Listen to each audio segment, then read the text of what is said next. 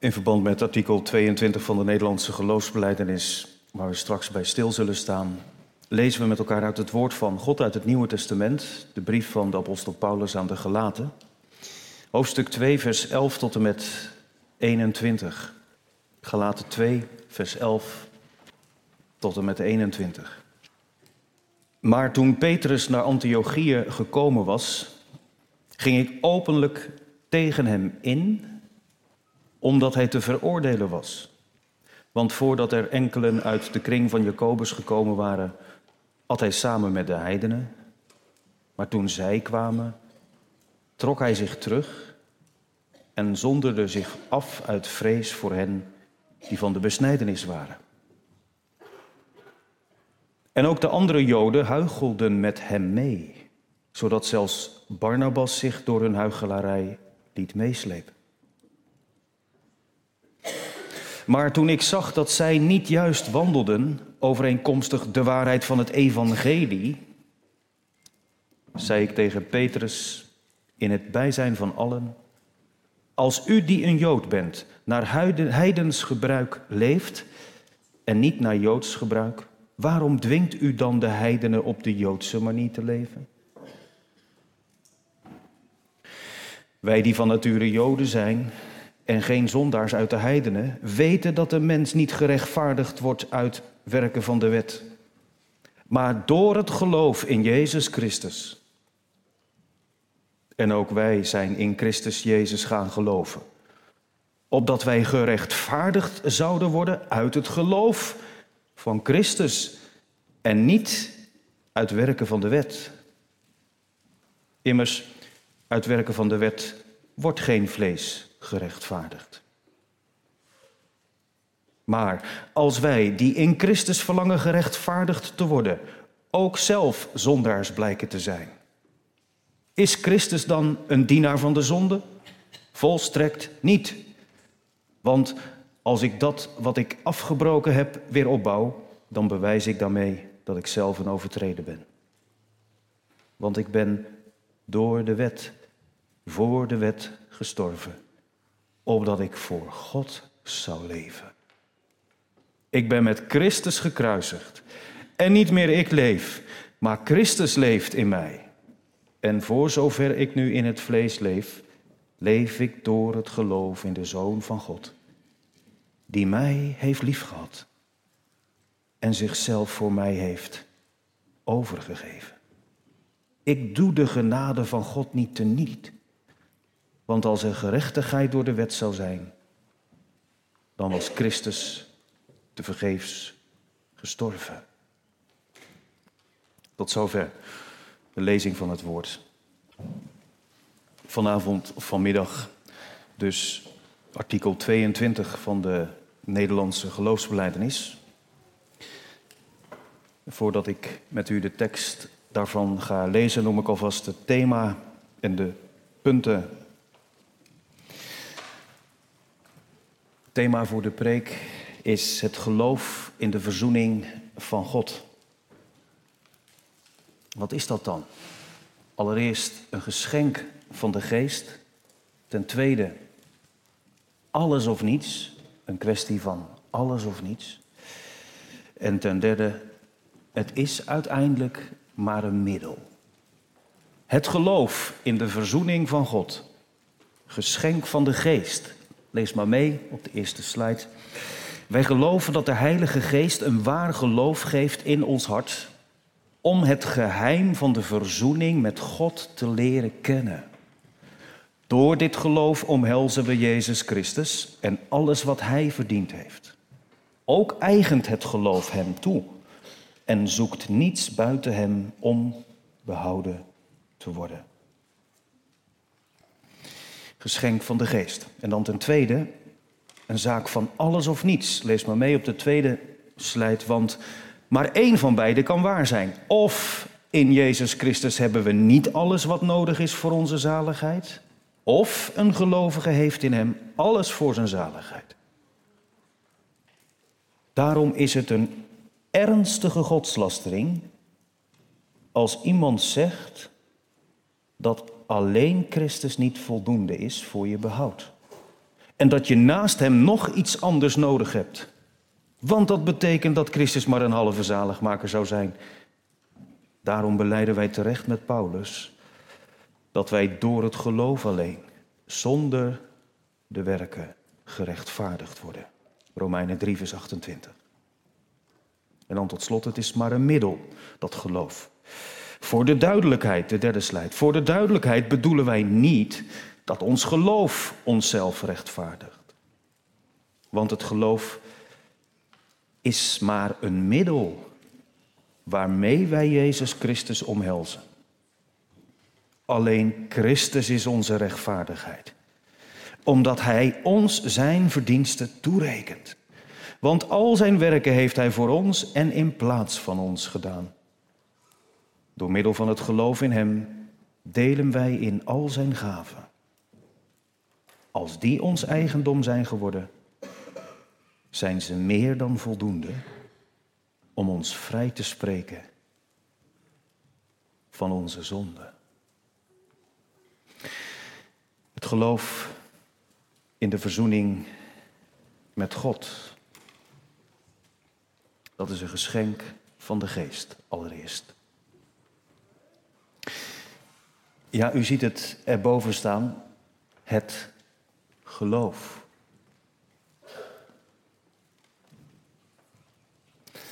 Maar we moeten niet vergeten dat, zoals het in de klassieke weergave erbij staat, het dan gaat om het geloof in de rechtvaardigmaking door Jezus Christus. Waarom is het dan zo bevrijdend, gemeente? Dat dit geloof, wat God van ons eist, ook een geschenk is. En dan niet zomaar een geschenk ergens vaag van boven, maar een geschenk van de Heilige Geest. Het is toch ook niet met ons natuurlijk verstand te geloven wat die rechtvaardigmaking is? Als je dat uitlegt aan iemand die die woorden niet kent, als je de boodschap van het evangelie in een notendop vertelt aan iemand die niet opgevoed is bij kerkelijke taal of de Bijbel, dan zegt hij toch, wat is dat voor een boodschap? Dan zegt hij precies wat Paulus al ontdekte. Dat roept ergernis op, dat is, dat is dwaas. Hoe kunnen jullie nu rustig in de kerkbank al jaren aanhoren dat God een onschuldige straft en een schuldige vrijspreekt? Dat is nou bepaald niet wat ik bedenk bij het woord rechtvaardig. U wel? Misschien zat u wel de vorige keer bij artikel 21, toen dat zo heel duidelijk naar voren kwam, met dat gegeven in uw maag, zo gezegd. Als je het zo eens uit elkaar trekt, woordje voor woordje spelt, het is ook een vreemde boodschap. Tenminste, als je met je eigen logica probeert de dingen te duiden. Maar weet u dat er al voor heel veel mensen die helemaal niet opgevoed waren bij die kerkelijke taal en die de Bijbel helemaal niet zo goed kenden, deze boodschap tot geloof heeft gebracht? Dat er al bij heel veel mensen dit bevrijding heeft gegeven? Dat je de kern van de zaak niet beschouwt als we gaan eens kijken of het wel logisch is wat de Heere God doet, maar dat je met je hele hebben en houden, je verlopen en verloren leven, de zonde die je doet en denkt, ontdekt. Dit is ook echt alleen maar de enige mogelijkheid. Want als ik het moet gaan proberen van beneden naar boven, als ik het aan God moet gaan bewijzen dat ik geloofwaard ben en dat ik vergeving verdien, dan struikel ik steeds weer. Is het nooit genoeg? En in die worsteling komt het evangelie niet met een breekijzer, maar met balsem in je ziel. als blijkt dat de liefde van God zijn rechtvaardigheid is. Liefdevolle rechtvaardigheid. Ik moet je straffen. En ik kan het ook, maar ik doe het niet. Zo lief heb ik je dat ik mijn enige geboren zoon gegeven heb, zodat een ieder die gelooft niet verloren gaat, maar eeuwig leven heeft. Wat een voorrecht dat we dan weten dat dat geloof, wat mij erbij rekent, dat geloof wat hier omschreven wordt als, als een persoon die Jezus omhelst, dat dat geloof een geschenk is van de Heilige Geest. Wij geloven dat de Heilige Geest een ware geloof geeft in ons hart. Om dit te geloven. Het geheim van de verzoening. En om misverstanden te voorkomen en in liefde gesproken, gemeente. U moet niet de verkeerde kant op gaan met dat woordje geheim. Of zoals in de klassieke weergave achter in uw Bijbel, het woordje verborgenheid. Daar zijn al heel veel mensen mee vastgelopen. Daardoor zitten al heel vaak mensen al jaren te wachten. Want ja, het is een geheim. God verbergt dat voor onze natuurlijke ogen. Dat je deel krijgt aan Jezus Christus. Dat je weet dat je erbij hoort. Dat je weet dat hetgene wat je aangeboden wordt ook echt voor jou is. Dat is, ja, wat is dat? Dat het een verborgenheid of geheim wordt genoemd, betekent niet dat God dat bewust doet. Het is juist zonneklaar. Het is juist zo duidelijk. Niemand kan er omheen. Ik zal het nog een keer samenvatten. Er staat een zondaar voor God. En iedereen die kan hem aanklagen. En hij, zichzelf moet hij ook aanklagen. Het is niet oké, het is niet voldoende. Ik kan voor God niet bestaan. En God als rechter kijkt hem in de ogen, die zondaar. En hij zegt, doe een stap opzij. En hij roept zijn eigen kind, zijn zoon Jezus. En hij zegt, wilt u in de plaats van hem gaan staan? En Jezus zegt, ja vader, hier ben ik. Dat is toch duidelijk gemeente?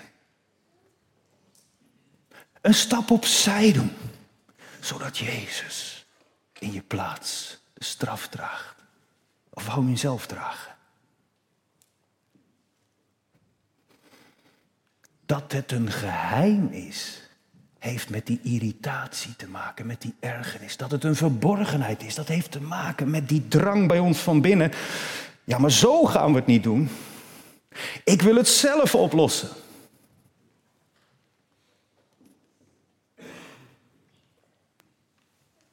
Daarom is dat zo'n troost, jongens en meisjes, dat de Heilige Geest je leert geloven. Dat de Vader jouw zonde echt wil vergeven, omdat Jezus al in jouw plaats heeft gestaan en gehangen, is gestorven. En wat is dan geloof? Dat je zegt, Heere, ik lees dat in de Bijbel. Ik hoor het verkondigen in de preken over het evangelie. En ik omhels Jezus. Door dit geloof omhelzen we Jezus Christus.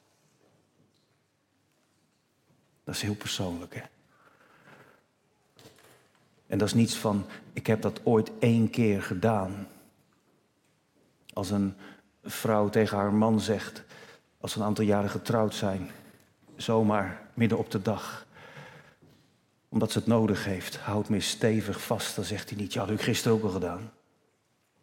Toch? Dat hou je toch niet bij in een boekhoudboekje?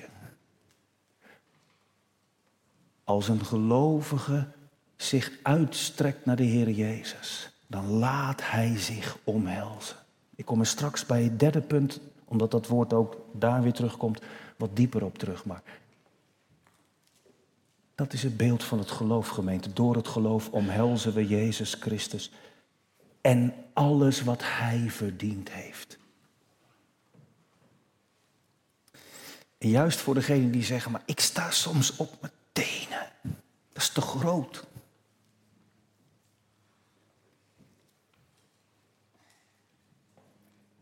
Ik voel de zwaarte van mijn zonde. En ik hoor het gewicht van Gods liefde, maar ik krijg het niet bij elkaar. Het is te groot. Ja, dat wist God. In 1 Korinthe 2 schrijft Paulus dat wat de Heere bereid heeft, klaargemaakt voor degenen die hem liefhebben, dat is in geen mensenhart bedacht.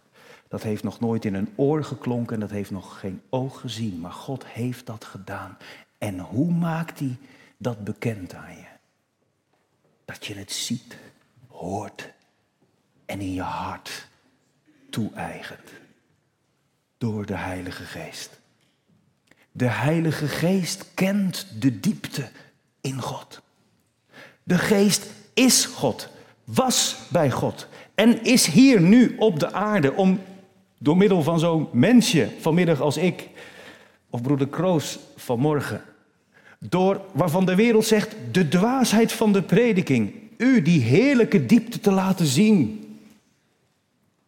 Alles wat hij heeft verdiend, geen straf meer. Geen hel voor degenen die geloven. Dat is in negatieve zin gezegd wat u dan niet krijgt. Maar wat krijg je wel? Gemeenschap met God, vergeving van zonde, wederopstanding van je lichaam en een eeuwig leven.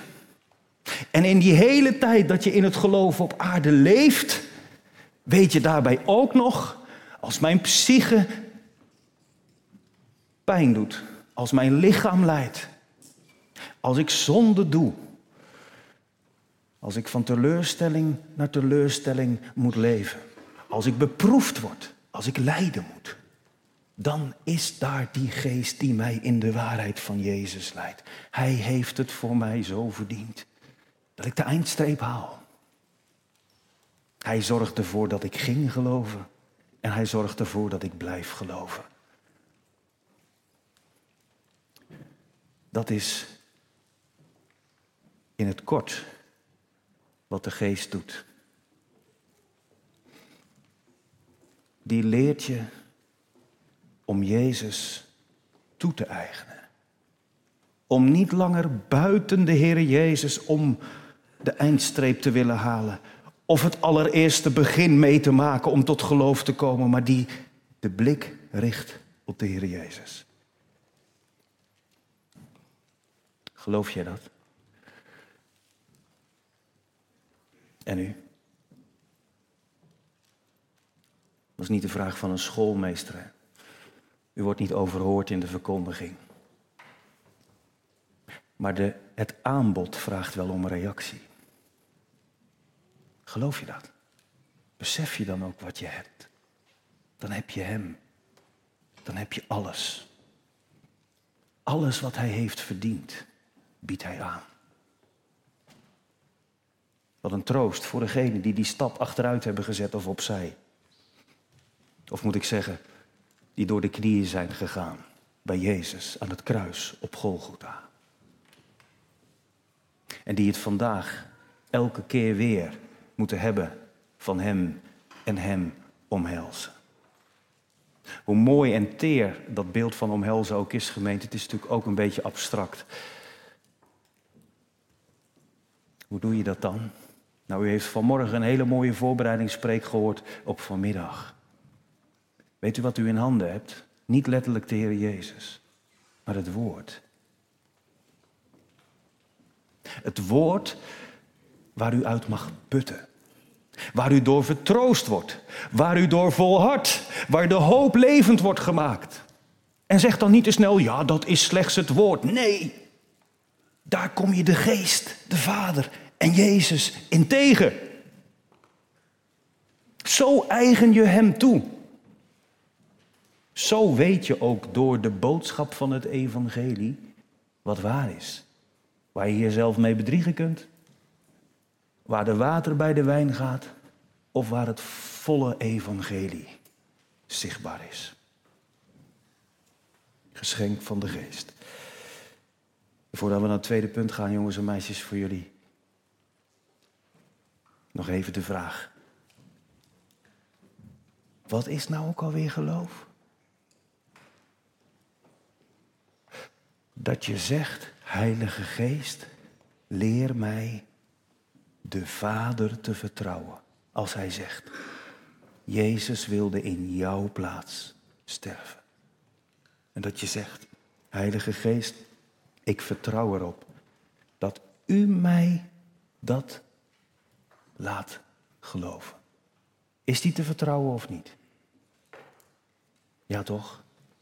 De Vader is te vertrouwen, de Heer Jezus is te vertrouwen, de Heilige Geest is te vertrouwen. Er is toch niemand vanmiddag die zegt, je weet het maar nooit bij die God. Toch? Ik heb het wel eens vaker verteld, maar dat doe ik speciaal dan voor jullie. Vroeger toen ik klein was, echt klein, toen deed ik heel graag een spelletje met mijn vader. Weet je het nog? Of is het alweer zo lang geleden? Dan ging ik onderaan de trap staan. En dan ging mijn vader eerst op de derde tree staan. Ik op de derde tree en mijn vader, sorry, onderaan de trap stond mijn vader. Ik ging op de derde tree staan. En dan deed mijn vader zo. En dan sprong ik. En dan greep mijn vader me vast. En wat zei ik toen? De vierde. Weer terug, de vierde tree. En mijn vader deed zo. En ik sprong. En mijn vader greep me vast. En dat ging door naar de vijfde en naar de zesde. Waarom sprong ik? Omdat ik wist, het is mijn vader. En mijn vader zou mij nooit laten vallen als die zo staat. Let op hoe ik het zeg. Als een kind een gezonde relatie heeft met zijn vader en zijn vader doet zo, dan weet hij, als ik spring, doet hij niet zo. Tjoe. Dat is nou jammer. Tuurlijk niet. Die vader die wacht. Dat is het beeld wat gebruikt wordt. En heel lang daarna zat ik een keer tijdens een verjaardag met mijn vader. En toen keek hij me aan en toen zei hij: Zou je nou nog springen? Ik keek hem eerst aan en ik denk: Ja, ik ben inmiddels 1,95 en over de kilo's gaan we het maar niet hebben. En mijn vader is inmiddels, ja, zijn rug is niet de sterkste meer. Hij is bijna 67. Nee. Hij keek me alleen maar aan en zei: Weet je, dat is geestelijk nu ook heel vaak zo. Voor volwassen mensen is het zo'n les om te leren worden en blijven als een kind. Ja, maar als dit nou gebeurt en dat nou gebeurt en zus. Maar denk nog eens aan het beeld, jongens en meisjes. Als de Heere zegt, kom, dan vertrouw je erop dat de stem die klinkt, de Heilige Geest is die je doet geloven. Geloof in de verzoening van God. Het is een geschenk van de Geest. Dat is heel bemoedigend, gemeente. Maar het is wel een kwestie van alles of niets. En dat is heel scherp vanmiddag. Guido de Bray draait er geen, wint er geen doekjes omheen en hij draait er ook niet omheen. Want maar één van beide kan waar zijn. Of in Jezus Christus hebben we niet alles wat nodig is voor onze zaligheid. Of een gelovige heeft in hem alles voor zijn zaligheid.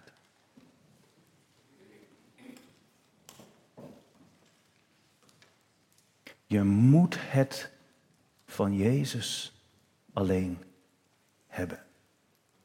Niet een optelsom van als ik nou zoveel zondekennis heb en zo vaak gebeden heb en tegen die en die en die zonde, dat heb ik geturfd, heb leren strijden, dan. Nee. Niets van mij doet mee. We zijn veel. Er wordt wel eens gezegd dat als het evangelie in alle ruimte wordt gepreekt, dat het dan zo makkelijk is. Maar dan wordt het inderdaad of verkeerd begrepen of verkeerd gepreekt. Want als het evangelie gepreekt wordt, is het alleen maar makkelijk voor mensen die schuld bekennen en zeggen: Ik ben verdorvener dan ik zelf ooit kan beseffen. Het wordt met mij, met mijn vlees, zegt Paulus, helemaal niets. Die wet die zorgt er steeds weer voor dat ik tekort schiet. Ik kan met mijn werken, zelfs als ik tot geloof gekomen ben, nooit een tien halen uit mijzelf. Ik moet het de eerste, de tweede, de derde, de vierde, de vijfde, heel mijn leven lang hebben van Christus alleen. En als ik in Hem ben, breng ik vrucht voort. Als ik met Hem gekruisigd ben, dan zijn mijn zonden gestorven. Als Hij in mij leeft, leef ik niet meer, maar Hij in mij.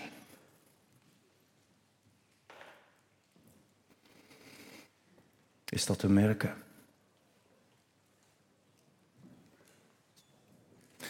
Merken onze kinderen dat? De Heere weet het, hè? Hij weet alle dingen. Wie Hem werkelijk lief heeft, die moet het elke keer weer alleen van Hem hebben. En ik, ik waarschuwde u al, dat is zo scherp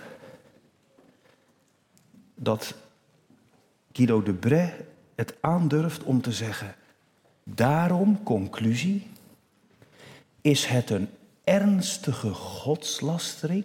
Hoort u dat? Dat is vloeken in de kerk. Als je zegt dat je Jezus wel nodig hebt, maar dat daarnaast ook nog een hele hoop andere dingen meedoen om je te redden. Is een ernstige godslastering. Die klinken niet op de kermis, maar die kunnen worden geuit in de kerk. Het is een ernstige godslastering als iemand zegt dat alleen Christus niet voldoende is voor je behoud.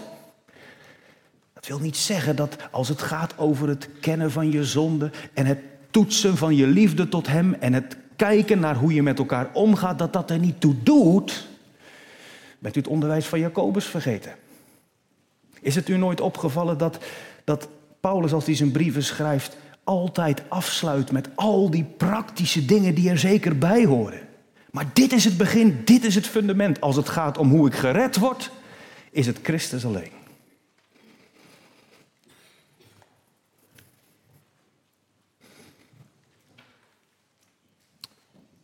Sprak onlangs iemand die jaren in een winkel heeft gewerkt.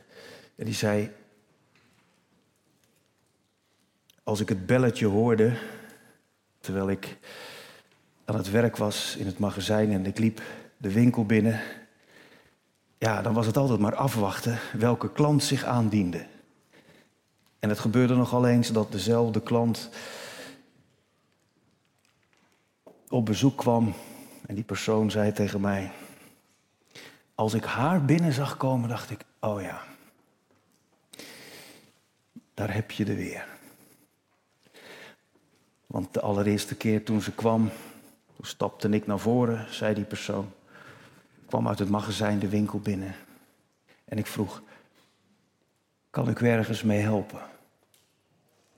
En er kwam heel bits een antwoord, nee, kijk zelf even rond. Die hoefde niet geholpen te worden, die deed het zelf wel. Hoeveel, ook in onze gemeente, horen zo het evangelie. Het evangelie is niet een gunnende dominee die zegt, ik gun dat u allemaal zalig wordt. Het evangelie is een gunnende God die zegt, hier vandaag nog. Kan ik u ergens mee helpen? Als je dan echt je zonde zat bent. Als je dan weet dat God die zonde moet straffen. Als je dan helemaal onderstrijft hoe, hoe verdorven we zijn dan is dat nou juist het wonder, het geheim van de verzoening. Geen halve Christus die aansluit bij wat ik al een beetje heb gedaan. Een streep door alles van mij. En hij zet zijn naam op de dagvaarding en de aanklacht tegen mij. En ik krijg vrede. Ik weet niet wat u van gelaten 2 vond toen we dat zojuist lazen. Maar vers 11 tot en met 14 vind ik om meerdere redenen een schokkend Bijbelgedeelte, u niet? Dat is eigenlijk de enige keer in het Nieuwe Testament dat we lezen dat er aan publiek een kerkelijke ruzie was. Een meningsverschil. Dat Petrus, niet de eerste, de beste, aan publiek door Paulus terechtgewezen moet worden en een huigelaar wordt genoemd. Paulus heeft Petrus ervoor verantwoordelijk gehouden dat zelfs Barnabas erin meegesleept is. Een huigelaar. Dat zijn grote woorden, gemeente. Maar dat komt omdat het daar ook precies over dit onderwerp ging. Alles of niets. Petrus had in alle vrijmoedigheid het evangelie verkondigd aan Jood en Heiden. Niet het houden van de wetten, ook de spijswetten niet. Niet het houden van de feestdagen, ook de Joodse niet. Brengen redding, maar alleen Jezus Christus. En Petrus merkte, toen hij bij de heidenen aan tafel ging en zich niet hield aan de Joodse wetten, zich in zekere zin aanpaste aan de leefwijze van mensen die niet Jood waren. Omdat hij ze geleerd had, wij zijn één in Christus. En dan doen die ceremonieën er niet meer toe tot je zaligheid. Toen ontdekte hij dat er een aantal judaïsten waren die hun neus daarvoor ophaalden. Die zeiden, Petrus, dat kun je niet doen. Je slaat een paar dingen over. Het is niet Jezus alleen, maar Jezus en de traditie. Paulus die voelt zich geroepen, we hebben dat samen gelezen, omdat de waarheid van het evangelie in het geding is. Vers 14. Toen ik zag dat ze niet juist wandelden overeenkomstig de waarheid van het evangelie, zei ik tegen Petrus in het bijzijn van allen, als u die een Jood bent, naar heidens gebruik leeft en naar niet-Joods gebruik, waarom dwingt u dan de heidenen op de Joodse manier te leven? Waarom dwingt u dan de heidenen om te denken en te geloven, Jezus plus nog wat? Nee. En voor de rest verwijs ik naar de afscheidsdienst van uw vorige predikant. Galaten, het staan in de vrijheid. We gaan naar het derde punt en het laatste punt van de preek. Het geloof in de verzoening met God. Wat is dat geloof? Een geschenk van de geest. Het is niet om het even. Het vraagt om reactie. Het vraagt om het toegewijd zijn aan Hem. In de aanbidding van Hem. Niets uit mij, alles uit u. Maar, vergeet niet, het is maar een middel. Ik heb van de week een paar keer voor die boekenkast van me gestaan en gedacht, als sommige van deze geleerde mannen dat nou eens hadden begrepen, waren er misschien minder boeken geschreven over het geloof en meer over God zelf. En dan in het bijzonder over zijn zoon.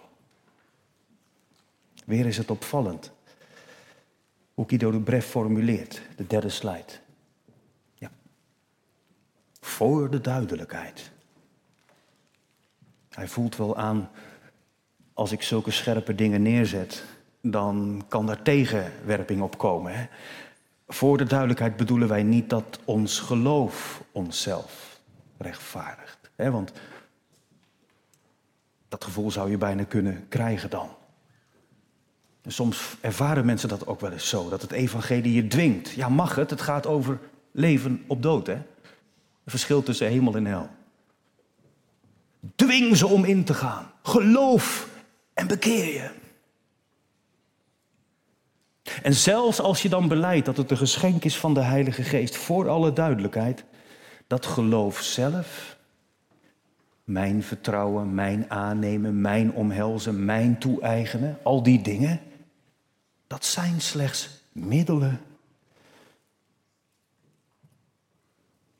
waarmee ik de dingen van God leer kennen. Dus als ik te veel aandacht geef aan mezelf, hoe dat geloof functioneert. Het is goed om dat aandacht te geven. Ik poets mijn trouwring ook wel eens een beetje op. Het is goed om daarnaar te kijken. Ik heb hem niet voor niks. Het is een mooi symbool. Maar het is mijn vrouw niet, hè? Al had ik er een om van 15.000 euro.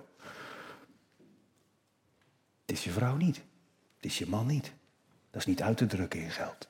Toch? Als ik de waarde van mijn huwelijk aan dit ringetje moet laten hangen. En daarvan moet laten afhangen.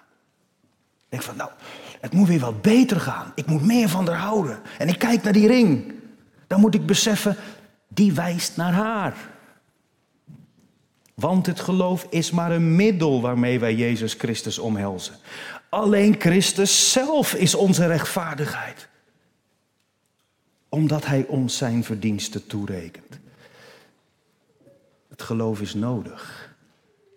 Maar hoe blijft het geloof levend? Hoe zorg ik dat dat middel functioneert? Door me te richten op Hem.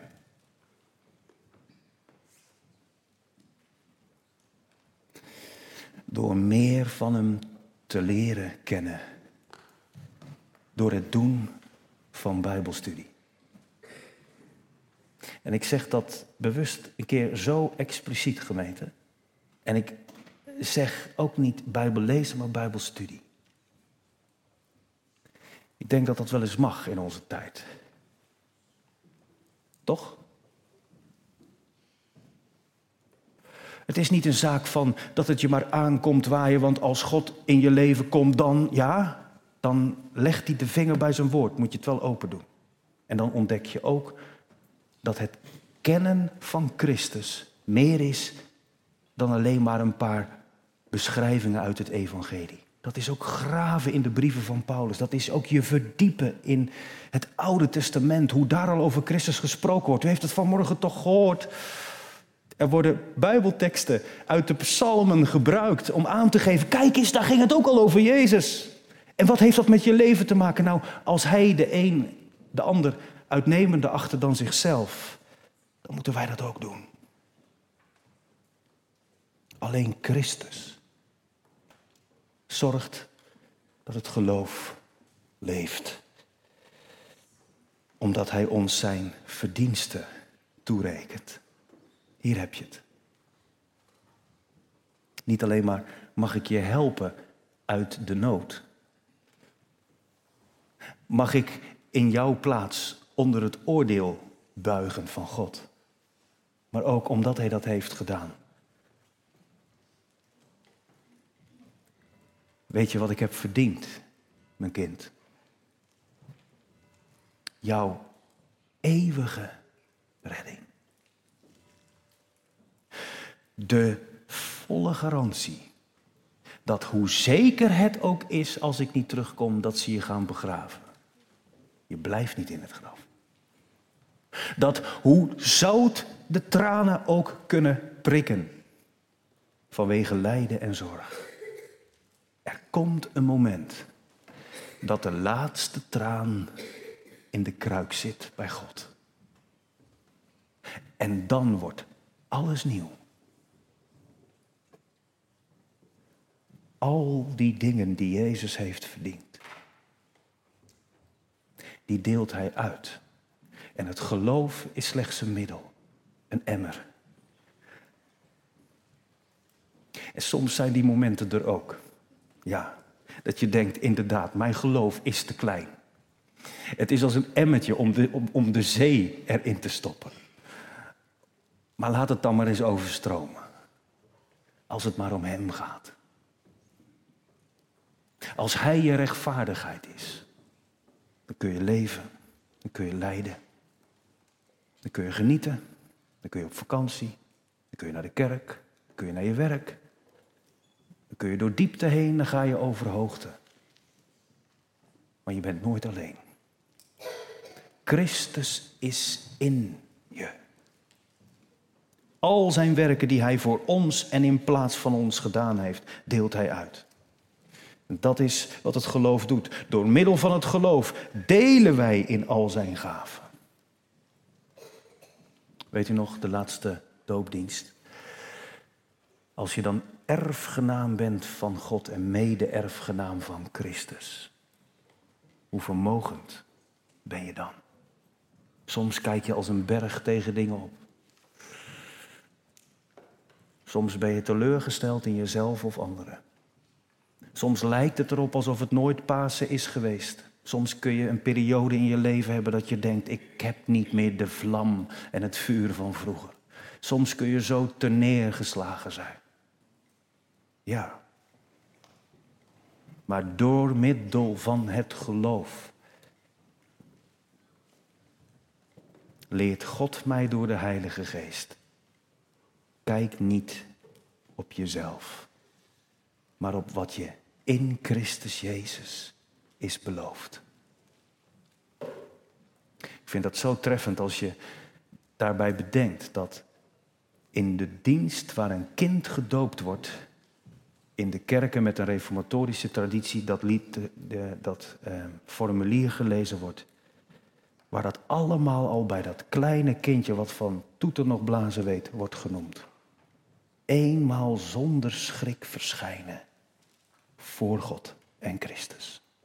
Gerekend bij de scharen van de uitverkorenen.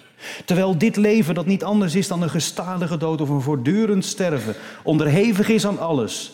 Gedoopt in de naam van de Vader die al het kwaad van je weren zal of het ten beste zal keren. Gedoopt in de naam van Jezus die daarmee betuigt, mijn bloed reinigt jou van alle zonde. Gedoopt in de naam van de Heilige Geest die je leert eigen maken, daar heb je het. Wat je in Christus Jezus hebt. Jongens en meisjes, er zaten een hele hoop moeilijke dingen in de preek.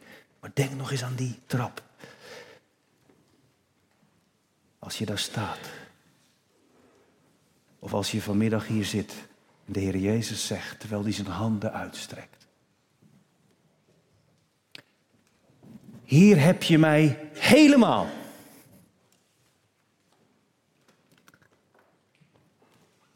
Wat mag je dan doen?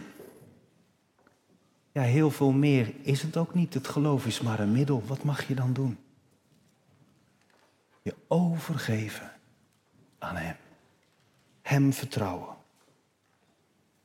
Als Hij zegt, hier heb je het. Zou je het dan niet geven? Niet aanpakken? Spurgeon gaf eens categorisatie. En hij denkt, ik ga dat duidelijk maken aan de kinderen. Hoe dat nou zit met het geloof en het aannemen. En hij pakte een gouden horloge.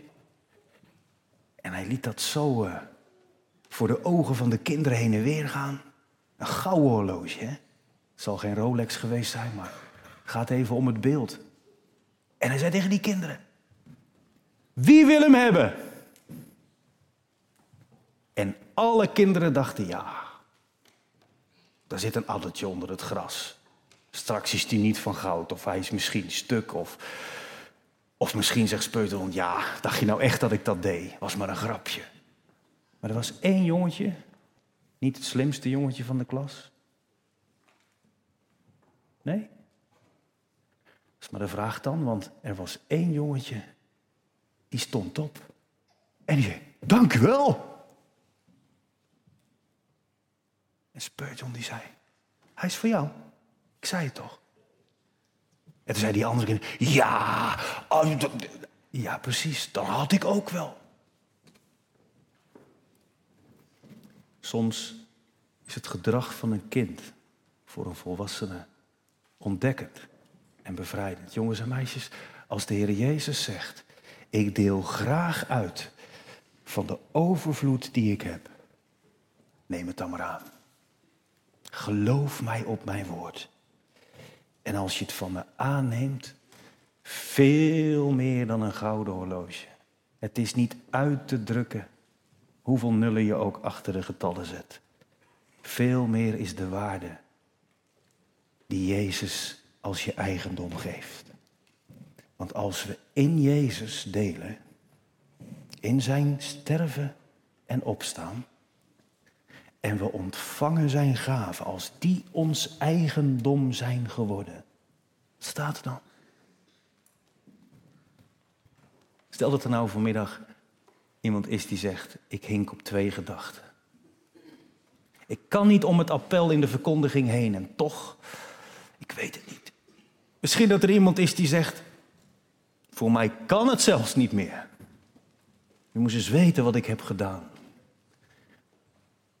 Hoor het dan van iemand die weet hoe het voelt en hoe het is om te geloven. Als de gaven van Jezus je eigendom zijn geworden, zijn ze meer dan voldoende om ons vrij te spreken van onze zonde. Meer dan voldoende.